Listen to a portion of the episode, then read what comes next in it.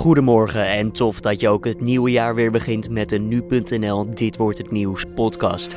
Nou, zoals je wellicht al weet is mijn naam Julian Dom en ook in dit jaar brengen we je elke doordeweekse ochtend op de hoogte van het laatste nieuws. Daarna blikken we even vooruit op de dag en sluiten we af met iets luchtigs. Vandaag het nieuws van 2 januari 2018. Het afgelopen jaar is de bevolking van Nederland gegroeid met ongeveer 100.000 mensen. Daardoor telt ons land nu 17,2 miljoen inwoners. Dat meldt het Centraal Bureau voor de Statistiek. De groei is voor zo'n 80% het gevolg van buitenlandse migratie. In San Francisco zijn zeven mensen gewond geraakt toen een kleine vrachtwagen voorbijgangers schepte. De politie bracht snel al de melding naar buiten dat het gaat om een ongeval en dat er geen aanwijzingen zijn voor een aanslag. De wagen nam een verkeerde afslag en reed daardoor een straat in waar niet gereden mocht worden. Kort daarna kwam de kleine vrachtwagen tot stilstand tegen enkele geparkeerde auto's. Nabij de Braziliaanse hoofdstad Brasilia zijn negen gevangenen om het leven gekomen bij een uitbraak. Veertien anderen raakten gewond. Volgens lokale media zijn meer dan 100 personen ontsnapt en slechts 27 gevangenen konden in die korte tijd weer worden opgepakt. De gevangenissen in het land zijn vaak overvol en de Braziliaanse vakbond voor gevangenisbewakers laat ook weten dat er veel te weinig bewakers worden ingezet s'nachts. Vijf personen zouden het toezicht hebben moeten houden op meer dan 900 gevangenen. Door een technisch mankement is de lamp van de vuurtoren Brandaris op Terschelling niet aan. Dat meldt Rijkswaterstaat. Pas overdag lijkt het euvel verholpen te kunnen worden. De scheepvaart is wel gewaarschuwd. Zij moeten nu op een andere manier hun positie bepalen. Dat kan bijvoorbeeld via de radar.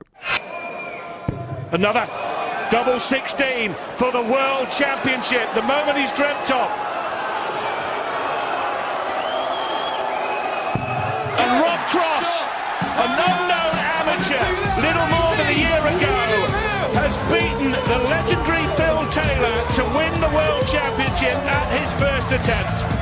There will be no farewell for the power. En je hoort het, debutant Rob Cross is wereldkampioen darts geworden. De 27-jarige Engelsman wist met 7-2 te winnen van de afscheidnemende Phil Taylor, ook wel bekend als The Power. Cross is na Dennis Priestley en Raymond van Barneveld de derde speler die in zijn eerste WK ook daadwerkelijk met de winst ervan doorgaat. En Phil Taylor, ja, die maakte na de finale meteen een einde aan zijn professionele carrière in de darts. In totaal wist hij 216 officiële titels te pakken, waaronder een recordaantal van 16 wereldtitels.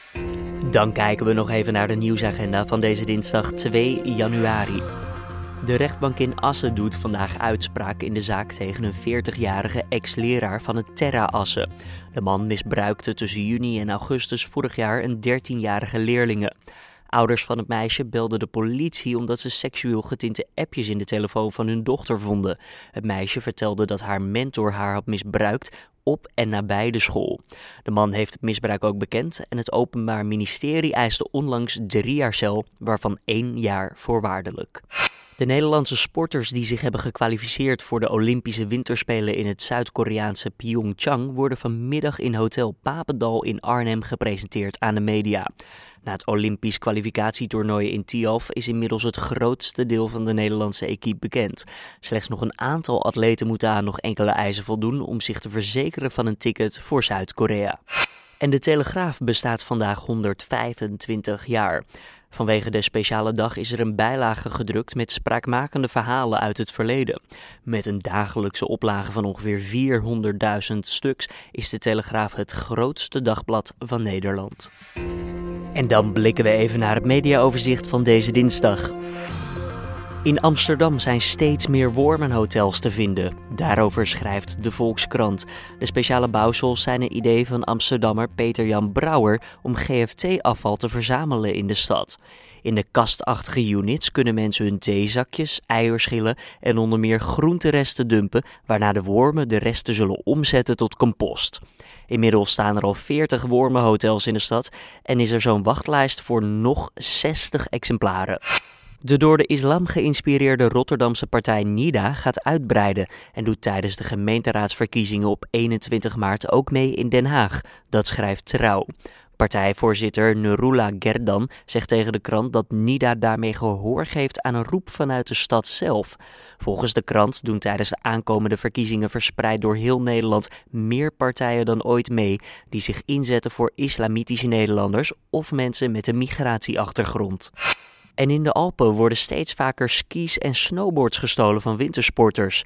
Dat meldt de Telegraaf op basis van een gesprek met de Nederlandse skivereniging, de NSV.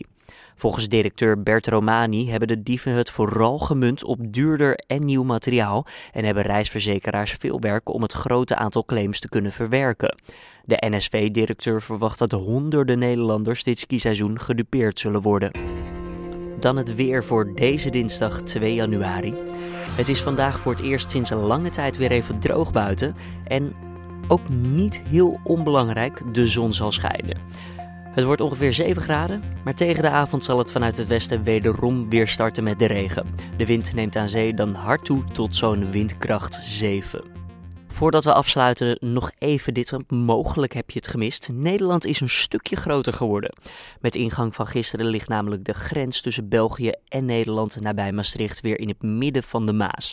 Door een grenscorrectie in de rivier komt er nu eindelijk een einde aan de onduidelijke situatie in het gebied. Enkele eilandjes in de Maas werden onder meer gebruikt door stropers illegale vissers en wildkampeerders. Dat omdat de onbewoonde gebieden in de rivier voor zowel Nederlandse als Belgische ordehandhavers niet te betreden was, zonder eerst de landsgrens over te steken. Dat probleem is nu opgelost. Er is een stukje naar Nederland gekomen en er is een stukje naar België gegaan. Dit was dan de Dit wordt het nieuws podcast van deze dinsdag 2 januari 2018. Zoals al gezegd kan je de Dit Wordt Het Nieuws podcast elke maandag tot en met vrijdag vinden op nu.nl om 6 uur ochtends. Heb je tips of wil je gewoon een reactie geven? Stuur hem toe naar redactieapenstaartje nu.nl. Voor nu in ieder geval een fijne dag en tot morgen weer.